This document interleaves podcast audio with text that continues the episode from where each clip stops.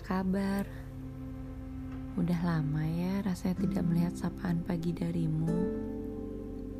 Bagaimana harimu? Apa ada sesuatu yang membuatmu marah lagi? Aku harap tidak.